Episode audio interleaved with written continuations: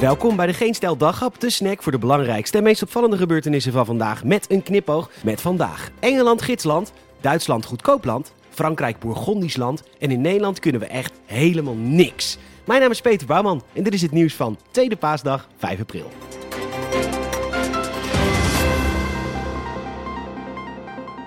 Het Verenigd Koninkrijk is in meerdere opzichten een gidsland. Op dit moment, bijna de helft van de bevolking heeft minstens een prik gehad. Tel dat op bij de mensen die al corona hebben gehad en je komt al dicht bij de 70% die je nodig hebt om het virus te laten uitdoven. Hoogstwaarschijnlijk gaat Boris Johnson vandaag aankondigen dat niet-essentiële winkels en terrassen vanaf 12 april weer open mogen. En alsof ze niet succesvol genoeg zijn, krijgen alle inwoners van het land binnenkort twee zelftests per week. En ook binnenkort mogen mensen weer reizen naar landen waar genoeg mensen gevaccineerd zijn, al dus de BBC.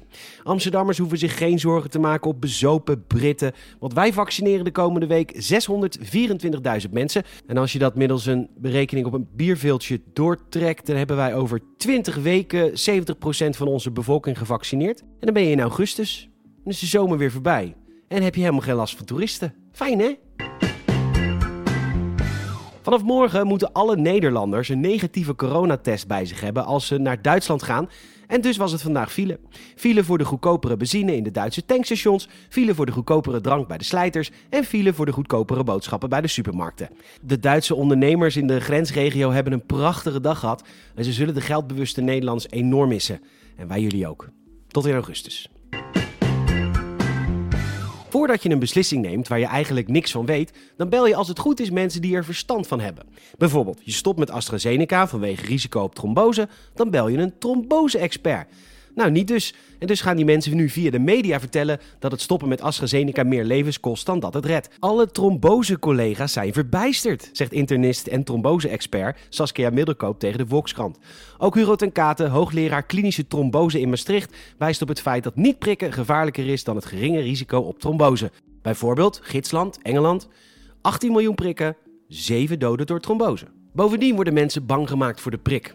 De experts voelen zich dan ook als een roepende in een woestijn. Nou, wij horen jullie natuurlijk wel. Ondertussen krijg ik nog een Hugo de Jonge update binnen. Eh, nee. Nee, nog steeds niet op een talent betrapt. Honderden mensen zijn geëvacueerd in Florida omdat daar een dijk op instorten staat. En dan gaat elk Hollands hartje natuurlijk sneller kloppen.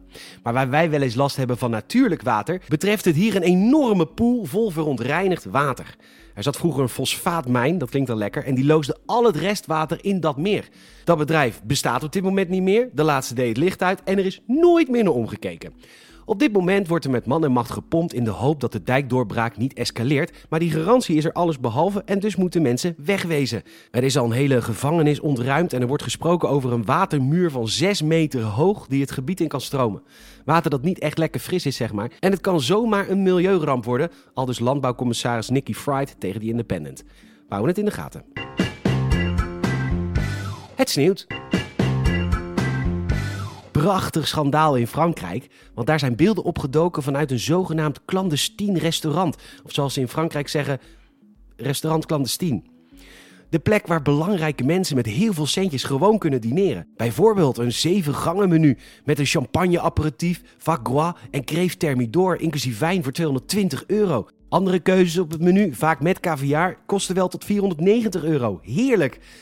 Maar het land is nu te klein natuurlijk, want er werd geen afstand gehouden en van maskers was ook geen sprake, alsof COVID niet bestaat. En dat in een land waar het aantal besmettingen de pan uitreizen. Ze staan op plek 16 in alle lijstjes, wij overigens op 28. In het fragment is ook Pierre-Jean Chalençon te horen, een oud televisiepresentator, die eigenaar is van Palais Vivienne, een prachtige evenementenlocatie. En dat is ook de plek waar dit allemaal stiekem gefilmd is, dat deelt The Guardian.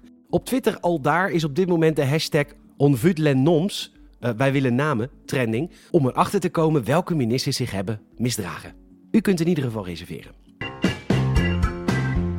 Bedankt voor het luisteren en je zou ons enorm helpen als je een vriend of vriendin vertelt over deze podcast. En ook een Apple Podcast review zouden we enorm waarderen. Nogmaals bedankt voor het luisteren en tot morgen.